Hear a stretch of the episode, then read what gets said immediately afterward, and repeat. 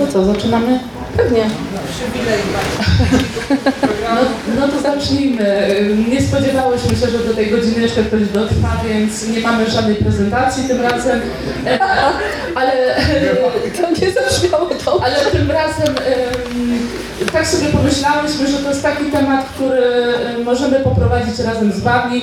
E, Chciałybyśmy, żeby to była właśnie bardziej taka dyskusja, żebyście mogli też podzielić się jakby Waszymi e, wyobrażeniami na to zagadnienie, bo generalnie porozmawiamy sobie tak na zakończenie już o gatunkach horrorów w kontekście tego, jak są realizowane w literaturze, a jak w filmie. Przykładowo, czy da się napisać slasher, bądź e, czy nie wiem, da się napisać dobry Animal Attack. Jeżeli byliście rok temu na Grozowni, e, to na pewno pamiętacie ten piękny kadr z literackich szczęk, e, który niejako pokazuje, że ciężko napisać dobry Animal Attack, ale może się okaże, że jednak z naszej prezentacji wyjdzie jakiś inny wniosek. Okazuje się, że właściwie cały czas e, jest jakieś takie dziwne przeświadczenie w odbiorcach, że mm, filmy to jest jednak najprostszy sposób obcowania z grozą. Y, Ja do pewnego stopnia zgadzam się z tym stwierdzeniem, y, bo wydaje mi się, że film to jest jednak dużo łatwiejsze medium. Film jest prosty pod tym kątem, że dostajemy obrazy wizualne. Nie musimy uruchamiać wcale naszej wyobraźni. Tu jest jakaś wizja autora, wizja reżysera, wsparta technologicznymi cudami, bo przecież jeśli wędrujemy po opuszczonym domostwie, no to oni stosują, filmowcy stosują przeróżne zabiegi e, dźwiękowe, świetlne, no, kąty kamery, e, jakieś tam właśnie zbliżenia na przerażone oczy albo drżące ręce. Więc to wszystko jest w swoim odbiorze i w głównym założeniu sztuki filmowej prostą rzeczą. Y, Film jest też czymś takim, takim medium, które nas wciąga. Natomiast książka zakotwicza, bo musimy przez długi, długi czas przebywać z bohaterami, wnikamy w ich myśli, bo część tych wydarzeń, które dostajemy jako fabułę książki, jest przecież opisywana, czy to z ich punktu widzenia przez narrację pierwszoosobową, czy też z jakiegoś innego punktu odniesienia przez obserwatora z boku. Więc no tu już tak rzeczywiście prosto nie ma. Wymaga bardzo dużo empatii, zrozumienie i poczucie y, wrażenia niepokoju, które jest serwowane w literaturze. Możecie się z tym nie zgodzić. Bardzo bardzo bym na to liczyła, gdyby tutaj pojawił się z widowni jakiś głos, który właśnie odparuje, że nie, nie, nie, jednak książki też straszą. Bo ja tutaj postawię, postawiłam na początku właśnie taką nieco karkołomną tezę, bo to jest taka trochę uniwersalna dy- dywagacja na temat tego, co jest straszniejsze. To tak jakbyśmy wybierali od pomiędzy dobrym a doskonałym. To tak samo te horrory literackie i filmowe są albo straszne, albo straszniejsze. Wszystko oczywiście zależy od odbiorcy. A za mm, popularnością i wyjątkowością grozy literackiej może przemawiać również fakt, że jest to koszmar jednoosobowy. Kiedy idziemy do kina, oglądamy film, to jest to najczęściej doświadczenie zbiorowe. No, oczywiście zdarzają się przypadki widzów, takich jak chociażby ja, którzy sobie na horrory idą samemu, bo, bo tak lubię oglądać akurat te filmy, ale widzę w kinie grupę młodych ludzi, którzy się wybrali popołudniową porą albo wieczorną i siedzą sobie po prostu w tłumie i to doświadczenie przeżywają razem. Natomiast horror literacki to jest zabawa dla jednej osoby i coś, co buduje się w naszej głowie jako poczucie lęku, jakiejś niepewności, strachu, to jest to, co my mamy w swoim umyśle. I jest to bardzo ciekawy wniosek, bo coś najbardziej strasznego drzemie jednak nas samych, a filmowcy przenoszą to poprzez swoją wyobraźnię, dokonują trudnych wyborów, które polegają na tym, że no decyduje się, czy światło niebieskie będzie straszniejsze, czy nie. Czy spojrzenie z góry, a może z dołu, a może z, przez dziurkę od klucza. Więc to już jest jakieś, jakaś taka subiektywizacja tego, e, tego spostrzeżenia. I akurat w przypadku gatunków, zarówno literackich, jak i filmowych, to my się z Martą wielokrotnie właśnie zastanawiamy nad tym, o co chodzi, dlaczego, dlaczego to tak jest i w jaki sposób ten język opowiadania książkowego i język opowiadania filmowego tak bardzo się przenika. Kto się kim inspiruje? Czy pierwszy reżyser, przeczytawszy książkę, stwierdził, że tak, to jest to, a czy może było odwrotnie? Y, Pisarz zobaczył film i stwierdził, o kurczę, napiszę taki. Y, W ogóle to mi się wydawało szalenie ciekawe, gdy rozmawiałyśmy z Bogusią przed y, tą naszą właśnie, przygotowując się do, do tego wystąpienia, y, mianowicie jak my często, poszukując jakichś połączeń między literaturą a filmem, postrzegamy ten, tą więź głównie w kategoriach adaptacji, czyli wiecie, twórca bierze sobie na warsztat jakąś konkretną książkę i przenosi ją na ekran. A wydaje mi się, że chyba rzadziej myślimy y, o tym jako właśnie o tym, co Ty Bogusia powiedziałaś, czyli o takich dwóch światach, które wzajemnie z siebie czerpią, wzajemnie y, y, się inspirują. No, weźmy na przykład body horror. Powiedzmy gatunek, który no, raczej na pierwszy rzut oka raczej nam się kojarzy z kinem, z Cronenbergiem, z latami 80 ale tak naprawdę wróćmy chociażby do Frankensteina. Czy nie jest trochę tak, że y, Frankenstein jakby y, zainspirował późniejszych twórców, dowodząc trochę temu, że y, tych dwóch światów nie da się rozdzielić i te gatunki rzeczywiście są czymś płynnym, y, czy tak jak chociażby przemiana klatki, prawda, o której Ty wspominałeś w naszych rozmowach. Tak, przemiana jest w ogóle bardzo ciekawym przykładem, bo wydaje mi się, że w kontekście tego mm, popularnego gatunku filmowego, jakim jest body horror, e, często jednak tak jest, że te filmy mają, mają odniesienie i jakieś tam fundamenty w literaturze i historia... Tylko, że to też mi się wydaje, że body horroru się mimo, tak, y, mimo wszystko tak nie kojarzy z literaturą. Mimo wszystko nie, ale ma to bardzo Znaczy, ciekawą tradycję. No, gdzieś tam trzeba się głębiej za, y, zakrzebać. Tak, ja się w ogóle też zaczęłam zastanawiać mm, pod, ta- pod nieco innym kątem, bo my się z Martą wielokrotnie kłócimy. E, W sposób kulturalny, bo my jesteśmy miłe dziewczyny, ale kłócimy się na argumenty, może tak powiem, bo e, jest bardzo dużo odłamów horroru filmowego, literackiego. I za- zastanawiamy się bardzo często w tych naszych rozmowach, po co w ogóle komu gatunki. Już Umberto Eco jakiś czas temu napisał taki tekst y, zatytułowany Szaleństwo katalogowania. Jest nam potrzebne gdzieś w głowie takie miejsce wypełnione szufladkami i coś, co pasuje, konkretnej szufladki. Właśnie po to, żebyśmy mieli poczucie pewnego porządku, żeby nie zdarzały się takie sytuacje, że pojawia się coś, co nas zaskakuje, co mm, sprawia, że nie wiemy, jak się odnieść i wprawia nas w poczucie no, jakiejś konsternacji, zaskoczenia, zdziwienia, bo my lubimy uporządkowany świat jednak i taki świat, który jest też do pewnego stopnia przestrzenią bezpieczną. I chyba po to jest nam potrzebne, są nam potrzebne te klisze gatunkowe, te nakładki schematyczne, co nie? Y, No, tylko tutaj można się zastanowić, czy e, akurat horror najbardziej nie traci na e, tym, tej skłonności do e, szufladkowania, na nadawania jakichś kategorii, gatunkowości, bo e, wiecie, my tutaj jesteśmy grupą osób, która raczej w tym e, horrorze siedzi i gdzieś tam go poznaje z różnych stron, ale wyjdźmy trochę po, poza naszą e, banieczkę i prawdopodobnie, gdy kto, powiedzielibyśmy komuś e, takie hasło horror, raczej by się kojarzył no właśnie z czymś takim e, w pewien sposób ograniczającym. No, dlatego też e, my tutaj tak na koniec chciałyśmy sobie właśnie trochę mm, porozmawiać o tym gatunkowaniu, o tym katalogizowaniu, czy to zawsze ma sens, czy, czy w ogóle możemy mówić o czymś takim jak dosłowne gatunki, gatunki czyste, prawda? Nie jakoś tam e, pomieszane z czymś innym. A to nie jest tak, że gatunki są płynne? No, myślę, że to udowodnimy. E, I wiecie co, i tak myśląc o tym tematem, na tym tematem i tak sobie dobierając jakieś gatunki, które gdzieś tam chciałybyśmy e, tutaj przywołać, e, to pierwszy gatunek chyba, jaki nam przyszedł do głowy, to był slasher. W ogóle prelekcja miała się początkowo nazywać napisać slasher, ale Marta stwierdziła, że, że, że nie, nie rzucimy konkretnego gatunku do tytułu, bo jednak właśnie uruchomią Wam się schematyczne skojarzenia. I jak usłyszycie taki, takie hasło, no to pomyślicie sobie, że dobrze, dwie laski będą gadać tylko o slasherach, mnie to nie ciekawi. I, i, I wiecie, są takie gatunki horrorów, które y, raczej łatwo kojarzymy zarówno z światem literatury, jak i z światem filmu.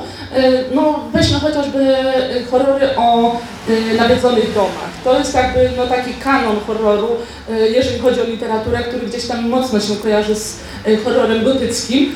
Ale horrory o nawiedzonych domach też się doskonale odnajdują nawet we współczesnym kinie. Y, Nie wiem, czy widzieliście na przykład film y, Relikt który y, doskonale przepracowuje ten schemat nawiedzonego domu, który teoretycznie y, nie jest nawiedzony, bo ten y, dziwny, rozlatujący się dom jest raczej metaforą y, demencji ogarniającej bohaterkę. Y, Ale jednak te gatunkowe jakieś schematy, gatunkowe chwyty jasno odwołują nas do horrorów o nawiedzonych domach. No ale dobra, wracając do slasherów. Y, Mam takie do Państwa pytanie. Y, Czy uważacie, że Agata Christie była y, prekursorką slashera? Podpowiemy tytuł książki e, i nie było już nikogo. Ktoś czytał? Dziesięciu murzynów.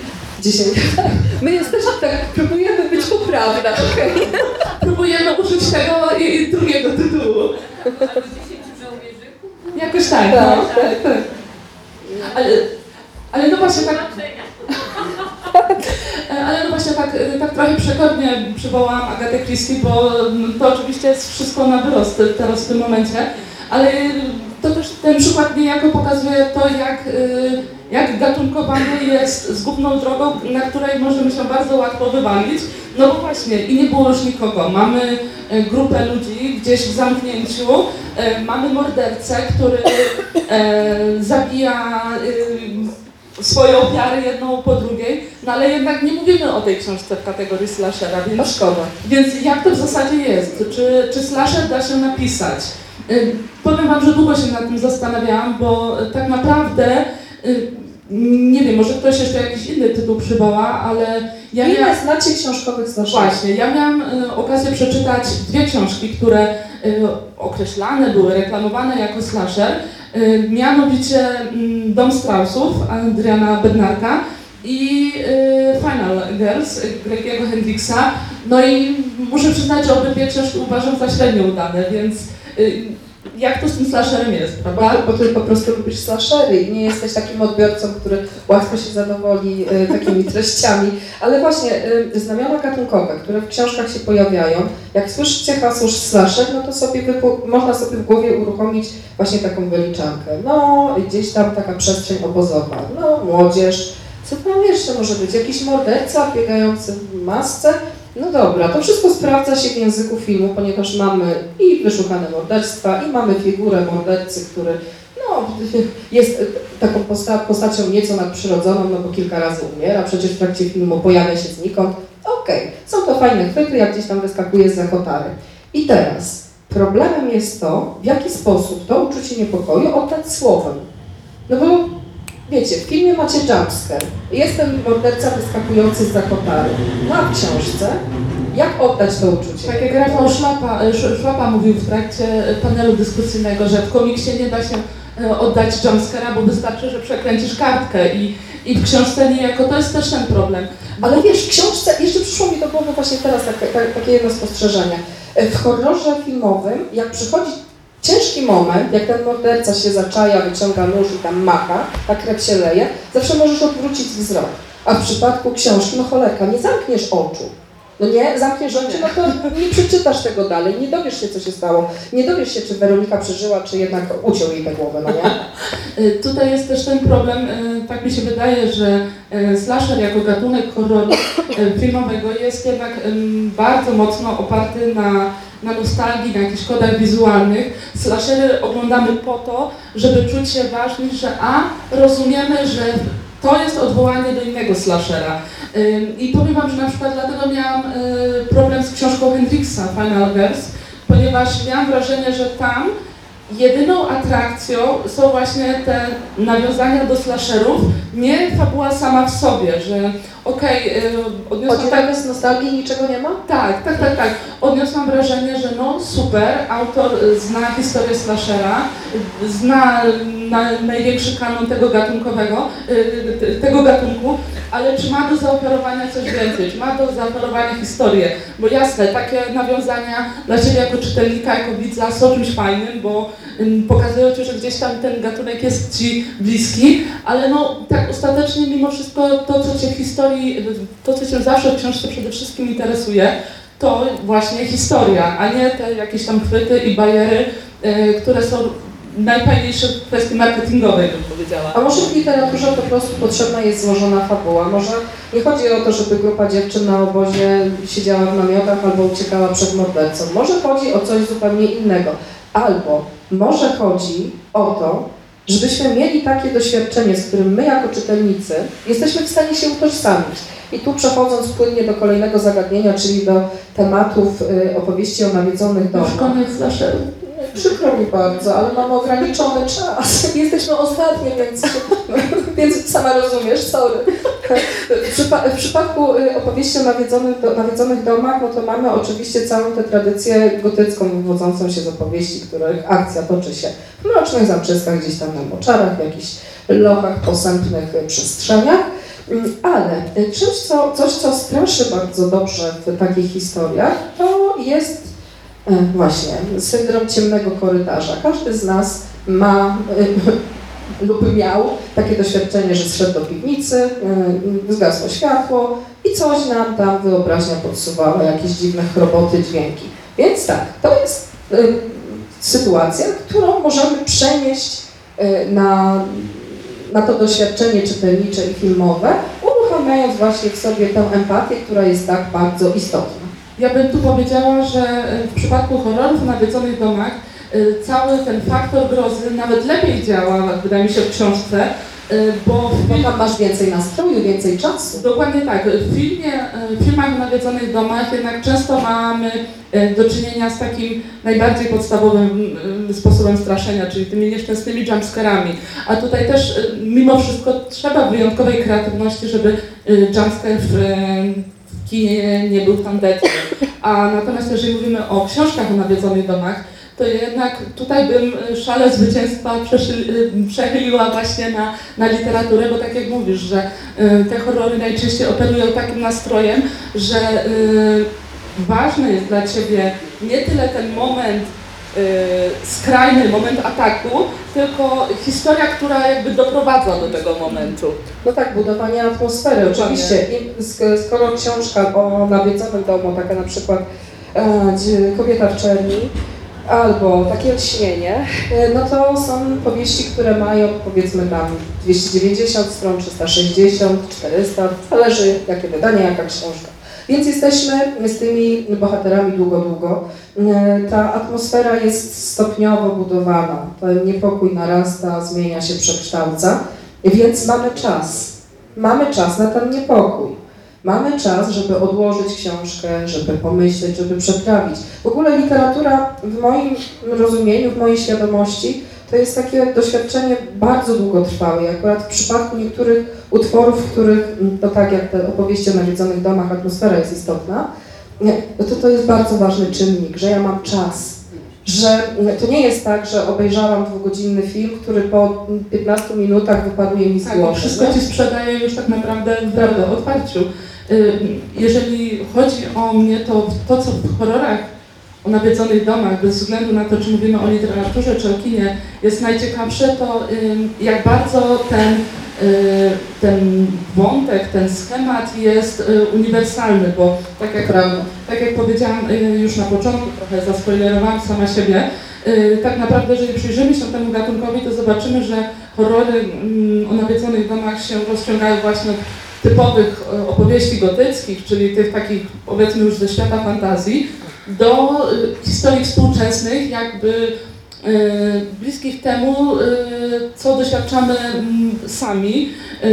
I gdy przyjrzymy się takim najbardziej kanonicznym filmom mm, o nawiedzonych domach, to bardzo łatwo dostrzec, że one często opowiadają o jakimś kryzysie ekonomicznym, o kryzysie rodziny, o tym, że bohaterowie znajdują się y, w tym y, domu akurat z powodu jakiegoś y, problemu finansowego. No właśnie, kobieta w czerni, albo lśnienie, Tak, pamiętamy, obecność. tak, pamiętamy przecież, że Jack Torrance z rodziną znalazł się w panoramie, ponieważ musiał, że to było podyktowane kwestiami czysto finansowymi. W obecności zarówno w pierwszej, jak i w drugiej jest to też dość czytelne, bo najpierw mamy mężczyznę, który no, musi się wręcz zaharowywać, żeby być w stanie utrzymać rodzinę, a w drugiej części mamy e, samotną matkę, która no, jest mocno zadłużona i, i z trudem utrzymuje całą swoją rodzinę. Więc to są takie motywy, takie metafory, które gdzieś temu, e, temu schematowi nawiedzonych domów wydaje mi się nadają bardzo dużą uniwersalność i wydaje mi się, że ten e, wątek będzie z nami jeszcze długo, zarówno w literaturze, jak i, i w filmie. E, I to jest fajne, że gdzieś te dwa światy się wzajemnie inspirują i dostajemy naprawdę masę fajnych historii e, orbitujących wokół tego tematu. One też się zmieniają w zależności od tego, jak zmieniają się nasze codzienne lęki, bo to też y, żyjemy w 2023 roku, więc y, posępne zamczysko jako metafora oczywiście może zadziałać, ale nie musi. Jeśli tak jak w przypadku domofonu Zygmunta Miłoszewskiego dostaniemy opowieść o bloku, w którym no coś tam się dzieje z windą, tutaj na którymś piętrze jakieś dziwne dźwięki, jakieś y, tajemnicze kroki po schodach, mieszkańcy pewnych mm, lokali dostają świra, no to to już jest gdzieś tam bliższe tej naszej stylistyce i tej codzienności, którą dostajemy każdego dnia, którą widzimy w naszym otoczeniu. Wiem, że Marta bardzo, ale to bardzo. O Jezu, jakieś wstydliwe zdanie. Wy, wywołam Cię teraz do tablicy przy okazji ostatniego, kolejnego gatunku, mianowicie Animal Attack, bo bardzo wiem, że lubisz e, filmy z tego nurtu, a książki? No właśnie, y, gdy myślałyśmy sobie o tych animal atakach, to się bardzo mocno zastanawiałyśmy, jak to z nimi jest. Czy, Nie ma to Kasiwca. no właśnie, żałujemy, Bardzo. bo na przykład nie mogłyśmy dojść do porozumienia w kwestii, czy y, gatunek animal attack, y, czy książki wyrosły z kina, czy kino wyrosło z książek.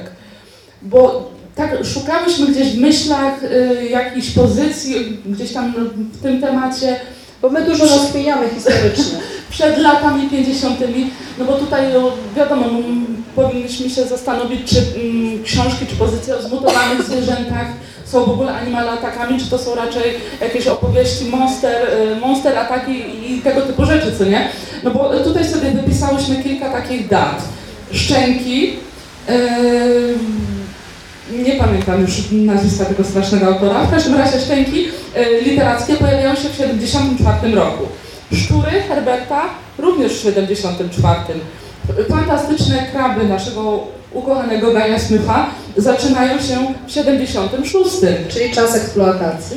Tak, czas eksploatacji, więc tutaj gdzieś ewidentnie można się zastanawiać, jak to połączenie y, tych dwóch światów wynika, bo nawet Cujo y, Stephena Kinga pojawia się dopiero w 1983 roku.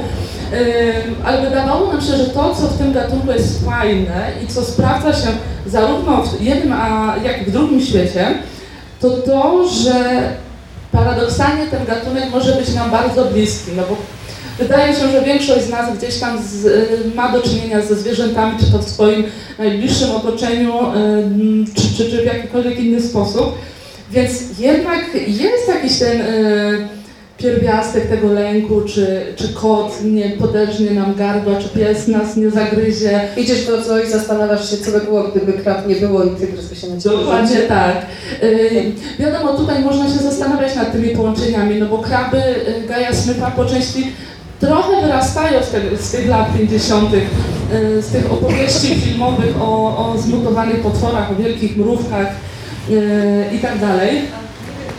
Ostatnio oglądaliśmy z powrotem i zastanawialiśmy się, czy można by to było podpiąć pod animal form. Dokładnie tak, dokładnie tak. Więc to są, to są właśnie tego typu historie, gdzieś ta granica jest bardzo płynna, no bo tak naprawdę czy o y, filmach z lat 50. możemy mówić w ogóle, że to są animal ataki. No bo y, powiedzmy mamy te zmutowane mrówki, czy, czy jakieś super powiększone inne stwory.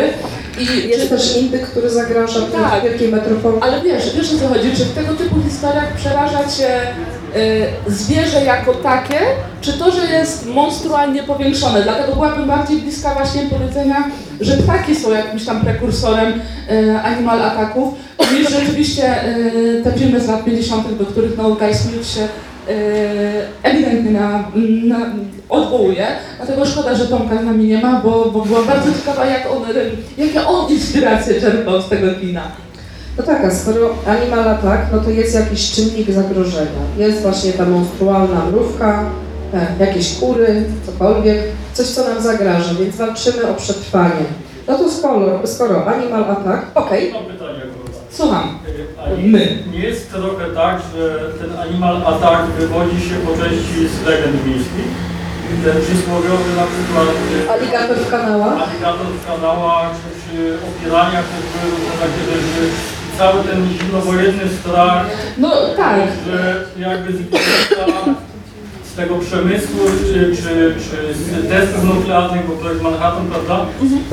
Gdzieś to, nie wiem, czy, nie wiem, czy to z y, prasy mogło też troszkę przeciekać, z jakichś matławców, czy coś takiego? Wiesz co, wydaje mi się, że to jak najbardziej miało wpływ na rozwój tego nurtu. Tak? Tak, tak, tylko powiedzmy w latach 50. miałeś właśnie do czynienia z tymi zim- zimnowojennymi lękami, o których e, mówisz i no z takim mm, epokowym lękiem właśnie przed grozą nuklearną, przed grozą z kosmosu, więc jasne, że ówczesnego pokolenia nie przerażał e, dziki pies e, czy, czy jakiekolwiek inne zwierzę, tylko właśnie jakiś stwór z kosmosu, czy, czy kosmicznie powiększony e, czy kosmicznie powiększone zwierzę, więc wydaje mi się, że mm, Animal Attack potem rozwinął się w taki sposób, że kolejni twórcy próbowali to zagrożenie bardziej udomowić, więc w momencie, gdy na początku masz gigantyczną mrówkę, gigantycznego pająka, który był uwielbiany w latach 50., Yy, no to tu jest jakiś dystans, no bo raczej się nie boimy, że zaatakuje nas wielki pająk, ale już gdy wchodzi na przykład yy, rekin, szczęki, no to jasne, że ta groza będzie yy, bardzo działać. No nie bez powodu szczęki przyczyniły się do no, ol- olbrzymiej części populacji rekinów, więc, więc to, to jest ta różnica. Ale były na przykład takie filmy jak Rój Mhm. e, o pszczołach, tak? No ale to już jest... co pamiętam, nie były zmutowane w żaden sposób, tylko po prostu zaczęły się... No, tylko to już jest po prostu kolejna dekada. To ja tutaj mówiłam ściśle o latach 50., ale jak najbardziej masz rację. Słuszny głos. Dzięki. No dobrze. Y, To wracamy do tej walki o przetrwanie. No to y, horror survivalowy, czyli te wszystkie opowieści, w których musimy rzeczywiście wspiąć się na wyżyny swojego człowieczeństwa, poszukać y, sposobu na wydostanie się z opresyjnej sytuacji. I ja uważam, że to jest akurat jeden z takich filmowych gatunków, który pomimo dość czytelnych ram, dość, dość czytelnych cech charakterystycznych, jest trudny do przełożenia na język literacki. Oczywiście zdarzył się, e, zdarzyły się takie teksty, jak chociażby Ruiny e, Smitha, no, Scotta Smitha, który to, mm, który, która to książka jest znakomitym przykładem horroru survivalowego, ale tutaj a w, w przypadku akurat tego gatunku dużą rolę odgrywa dynamizm, dynamika. Kiedy mamy scenę w filmie bohatera, który no, jest powiedzmy w jakiejś tam jaskini, musi się wydostać, goni go jakaś grupa mutantów, no to o co chodzi? O to poczucie zagrożenia z jednej strony. To jakoś w książce ogramy, spoko. Ale on biegnie, on jest... Y, z, nie, nie wie, gdzie się podziać, nie, y, nie zna drogi, jest przerażony. Widzimy jego twarz, która jest wykrzywiona od przeróżnych emocji. Można to oddać w książce, oczywiście, ale nie oddamy tego pośpiechu, być może, nie oddamy tych drżących rąk, nie oddamy drżących powiek, albo, albo się mylę. Wydaje mi się, że z survival horrorem jest y, ten problem, że on jest, to jest wbrew pozorom, wydaje mi się, dość delikatny temat, w którym bardzo łatwo popłynąć jakiegoś y, wszelakiego rodzaju izmy. Bo y, wiesz, opowiadałyśmy rano o y, literaturze palpowej y, i jasne, tego typu pozycje o gdzieś tam y, białych kolonizatorach, y, przemierzających jakieś tam odludzia, dzicze, można nazwać jakimś tam mm, prekursorem survival horroru, tylko że no właśnie, to były książki często podyktowane e, ksenofobią, rasizmem, które gdzieś tam e, portretowały e, inną kulturę, niebiałą kulturę w sposób, wiesz, zagrożenia, nie? No i Marta, Marta, może po prostu chodzi o widowiskowość. To też, na pewno. Dlatego to, to postrzegam jako taką y, trudność w operowaniu tym gatunkiem, bo rzeczywiście w filmie to wydaje mi się, że jednak łatwiej przełożyć y, na taką efektowną historię, w którą bardzo łatwo się y, zagłębić. Ale wspomniane przez Ciebie ruiny, co ciekawe, uważam za przykład idealnej adaptacji w stosunku do tego, jak wygląda powieść. Gdybym tutaj miała wybrać, co lepiej działa, nie byłabym w stanie, bo książka jest znakomita. To, jak autor y, tam buduje zagrożenie wynikające nie tyle z świata, w którym znaleźli się bohaterowie, co z samej przyrody, jest opisane perfekcyjnie. Ale na film to też zostało nieźle przełożone i też właśnie tutaj został dodany ten pierwiastek slashera.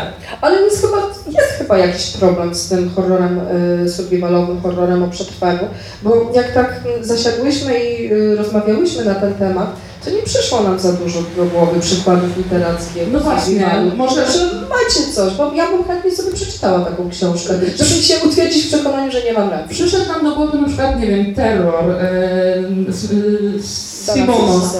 Yy, ale nie wiem, może coś jeszcze kojarzycie? Jakieś pomysły?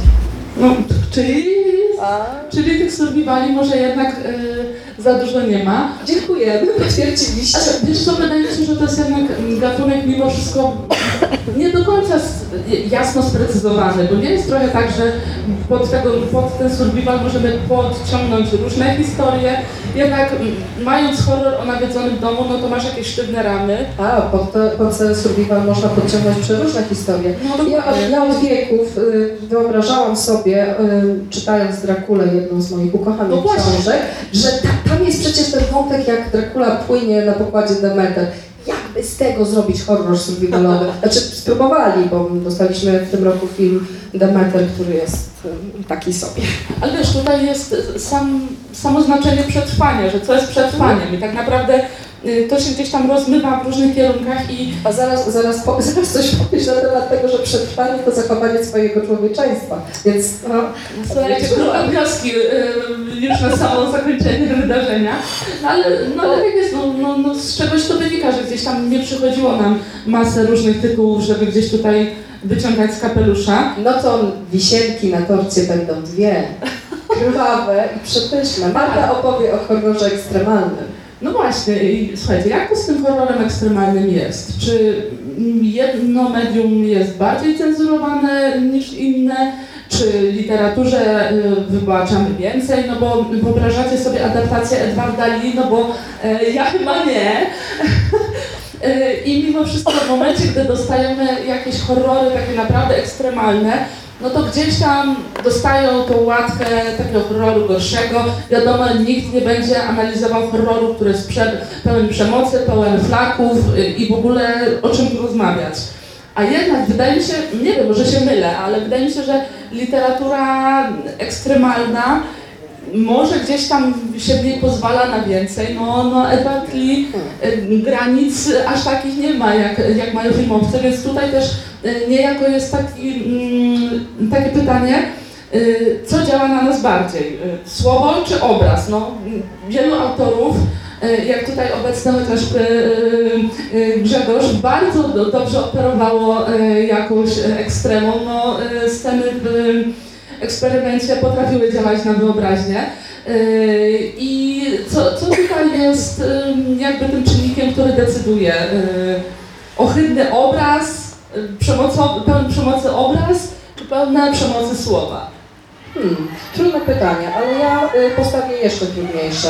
Bo w przypadku horroru ekstremalnego y, rzadko czytam takie książki. Przeczytałam ich nie za dużo, ale to raczej takich y, właśnie takie standardowe przykłady mm, tej literatury. I zawsze miałam problem tego rodzaju, że w przypadku takich książek to twórcy nieco naginają fakty.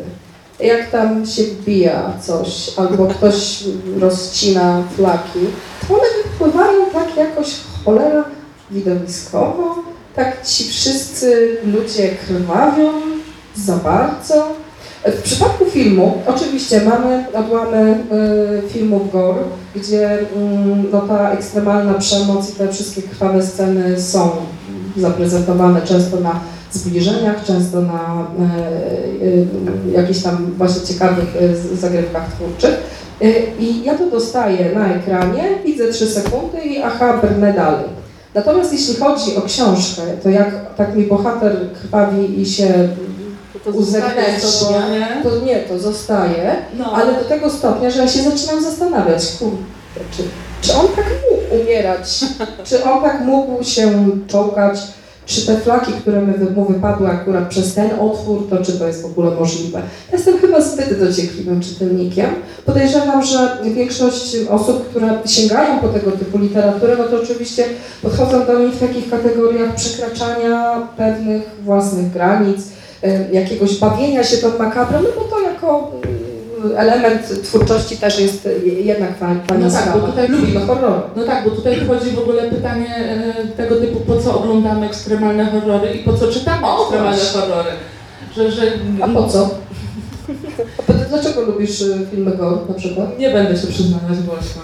E, Ale wiecie, no, no gdzieś tam jest, e, jest taka przestrzeń, która e, zmusza do, do, do jakiejś tej dyskusji. I to też jest taka pułapka katalogowania, wydaje mi się, o tym, o czym mówiliśmy na początku, bo ja jestem zdania, że nawet w jakichś takich najbardziej ekstremalnych historiach, najbardziej jakichś pełnych przemocy historiach jest szansa, żeby dokopać się czegoś istotnego, co mówi nam o, o jakichś tam istotnych kwestiach.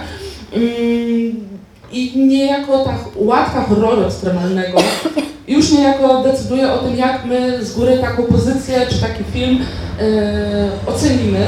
No, mamy na przykład, e, nie wiem, Cannibal Holocaust, czyli tutaj połączenie horroru ekstremalnego i survival horroru, który no, e, cieszy się bardzo nie, niechlubną sławą, ale jednak gdy pozbędziemy się tej, tej łatki, tej, tego katalogowania i zastanowimy się, o czym tak naprawdę ten film jest, no to O dostrzeżemy... dominacji, To też, ale wiesz, kolonizacji, poznawaniu. po prostu wydaje mi się, że y, często my jako odbiorcy, czy, czy, czy w ogóle jako mm, uczestnicy jakiejś tam popkultury y, traktujemy przemoc, okrucieństwo jako y, takie mm, narzędzie efekciarskie, które nie potrafi nam opowiedzieć o czymś istotnym. Nie potrafi, to ja już mam, ja już mam tutaj argument. tak, Marta lubi takie krwawe rozrywki, ale jednak trochę tam y, grzebie w tych wnętrznościach i doszukuje się głębszych treści. Natomiast zatoczymy koło na ten finał, już ostatnie spostrzeżenia, ponieważ zaczęłyśmy mówić y, na ten temat i pojawił się body horror, jeden z moich ukochanych gatunków, horror cielesny. I zakończymy horrorem cielesnym, bo o ile literatura ekstremalna jest bardzo często nastawiona bardzo, bardzo na ten aspekt właśnie efekciarski, rozrywkowy, mm, szok, szokery, Przecież to wejdę. Ale czy, czy to też nie jest niejako dowód na, to, na tą płynność gatunków? No bo gdzie tutaj postawić y, granicę między body horrorem a horrorem ekstremalnym? No nie wiem, weźmy na to, nie wiem, nawet taką muchę Cronenberga, która jestem w stanie uwierzyć, że dla wielu odbiorców była horrorem ekstremalnym mimo horror wszystko. ekstremalny. Dokładnie. Natomiast jeśli chodzi o body horror, to tutaj ja jednak będę tym odbiorcą takim drążącym i zastanawiającym się nad głębszymi treściami, bo cholera. W przypadku mm, opowieści o modyfikacjach ciała, o tym, że mm, się przeobrażamy, potworniejemy na skutek pewnych jakichś mm, sytuacji, które nas dotykają, to tu jest jednak jakaś głębsza myśl. W horrorze ekstremalnym nie znalazłam jej. Oczywiście, bawiłam się fajnie, trochę się powkurzałam, trochę się pozastanawiałam, trochę mi się zrobiło niedobrze, no bo tam te flaki jednak. Natomiast jak sobie sięgam od czasu do czasu po moje ukochane opowiadanie Franca Kawki, czyli Przemianę, no to historia Gregora Samsy jest czymś, co przeraża mnie. Jeśli oglądam film Mucha Cronenberga, jeden z najbardziej obrzydliwych mm, horrorów cielesnych, jakie powstały w ogóle w, w historii kina, to ja jednak mam konkluzję. Ja jednak rozumiem, co oni chcieli pokazać. Bo w przypadku większości tych opowieści mm, czerpiących z nurtu horroru cielesnego i nawet możemy to odnieść chociażby do e, mm, graficznych powieści Junjiego Ito i tych adaptacji, które tam się później pojawiały na japońskim e, rynku, no to tutaj jednak właśnie chodzi o jakiś czynnik, który po pierwsze doprowadza do tego spotwornienia, a po drugie wpływa na to, w jaki sposób postrzegamy tę spotworniałą istotę. No bo w przemianie kawki nie tyle sam fakt, że Gregor przekształca się w ogromnego robala jest e, tragiczny, jest obrzydliwy, tylko ten finał, jak on siedzi już przeobrażony w pokoju sam na marginesie, zapomniany przez rodziny, przez najbliższych, przez społeczeństwo i wszyscy tylko czekają, aż wygituje i zniknie. No w sumie w Frankensteinie też jest y, trochę podobne, y, po- podobnie ta historia prowadzona, y, bo masz z jednej strony y, ten aspekt w ogóle tworzenia potwora Z ludzkich ciał. Tak, rozciągnięty w czasie. Pamiętam, że Mary Shelley dość widowiskowo y, opisuje tą przemianę. Y, Czytałam Frankensteina y, w sumie niedawno y, i naprawdę powiem Wam, że byłam bardzo zdziwiona mm, plastycznością y, tego języka, tego jak Mary Shelley bardzo Wydawało mi się nawet, że bardzo współcześnie y, opisuje, że nie miałaś do czynienia czytając tą książkę, że obcujesz z książką, która ma no wiadomo ile lat, prawda? Tylko, że właśnie nie jest istotna ta jakby makabra tej przemiany, O, to, to. co, co cała emocjonalna sfera, czyli to, że my współodczuwamy z potworem właśnie Frankensteina, y, z tym jak on próbuje się gdzieś tam odnaleźć y, w nowym otoczeniu, w nowym społeczeństwie i to jak jest gdzieś tam wykluczony.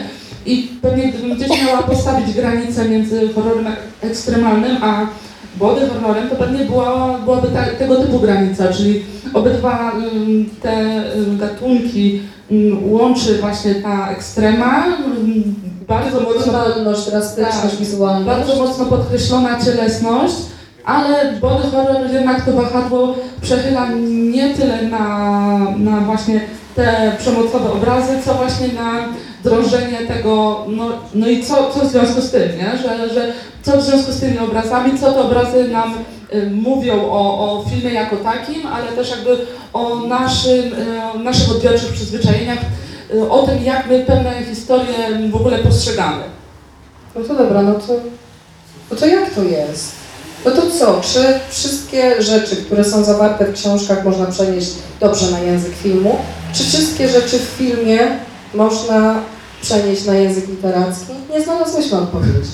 Przepraszamy, jeżeli ktoś czekał na odpowiedź, to się jej nie doczeka niestety, ale no, chciałbyśmy zakończyć takim górnolotnym przesłaniem, żeby właśnie gdzieś te etykiety porzucić i, i gdzieś tam się po prostu cieszyć mm, daną historią. Ja wiem, że my jako odbiorcy mm, mamy, mm, jakby to powiedzieć, że my jako odbiorcy w sumie nie jakiegoś większego problemu. To raczej gdzieś jakieś e, kwestie marketingowe, jakieś kwestie tego, jak nam się próbuje e, pewne rzeczy sprzedać, bardziej szkodzą e, horrorowi. Ale to też są uproszczenia. No jednak, dokładnie, no, bo wiecie, no, zastanówmy się, co wiąże się z łatką typowy horror. Ale wiesz, Jak dawaj, jeszcze tylko dokończę, czy, czy ciężar mm, łatki typowy dramat to to samo co typowy horror? No, wydaje mi się, że nie, że, że, że horror pod tym względem ma y, tak samo przerąbane jak komedia, że, że typowa komedia jest na pewno czymś beznadziejnym, typowy horror, no też e, raczej machnijmy ręką, dlatego ja się bardzo uśmiechnęłam, jak Tomek Kątny e, mówił o post-horrorze, bo, bo to jest właśnie coś, co mnie tam odpala na następną godzinę gadania. E, No bo właśnie post-horror to jest takie przekonanie, że, że ja jestem lepszy niż te typowe horrory. No sorry, ale nie. W każdym razie no, zmierzam do tego, że, że te kategorie, gatunki, określenia gatunkowe, trzymanie się takie kurczowe tego e, katalogizowania, no wyrządza więcej szkody niż pożytku, wydaje mi się przynajmniej. Ale to też jest trochę tak, że kiedy otrzymujemy prostą odpowiedź i dostajemy slogan marketingowy, który krzyczy e, e, nowy, tam na przykład nowe lśnienie, albo przerażająca opowieść o nawiedzonym domu, albo dostaniesz przeobrażenie ciała, no to gdzieś ustawia nam już e, oczekiwania. Tak, I jak- przede wszystkim i to jakby pozbawia nowych autorów jakby podmiotowości, jakby własnej wartości, no bo Jesteś sprowadzany do klonu Stephena Kinga, Tak, bo napisałeś książkę w stylu śniegu. nie jest, nie jest ważne twoje nazwisko, to co ty masz sobą do, do zaprezentowania, tylko istotne jest to, że ktoś cię właśnie um, porówna do Stephena Kinga, czy, czy tak jak w kinie masz ciągle nowy Quentin Tarantino, film w stylu Tarantino, to tutaj masz książka w stylu Kinga, no, no kurde, no, no nie wiem, czy, czy, czy to jest coś, co, co tak się e, przysługuje horrorowi. To była prelekcja w stylu rozmówionych. Marta Płaza. I Bogusia Szewczyk. Dzięki, dzięki. I czytajcie horrory, oglądajcie horrory. Trzymajcie się. Pa.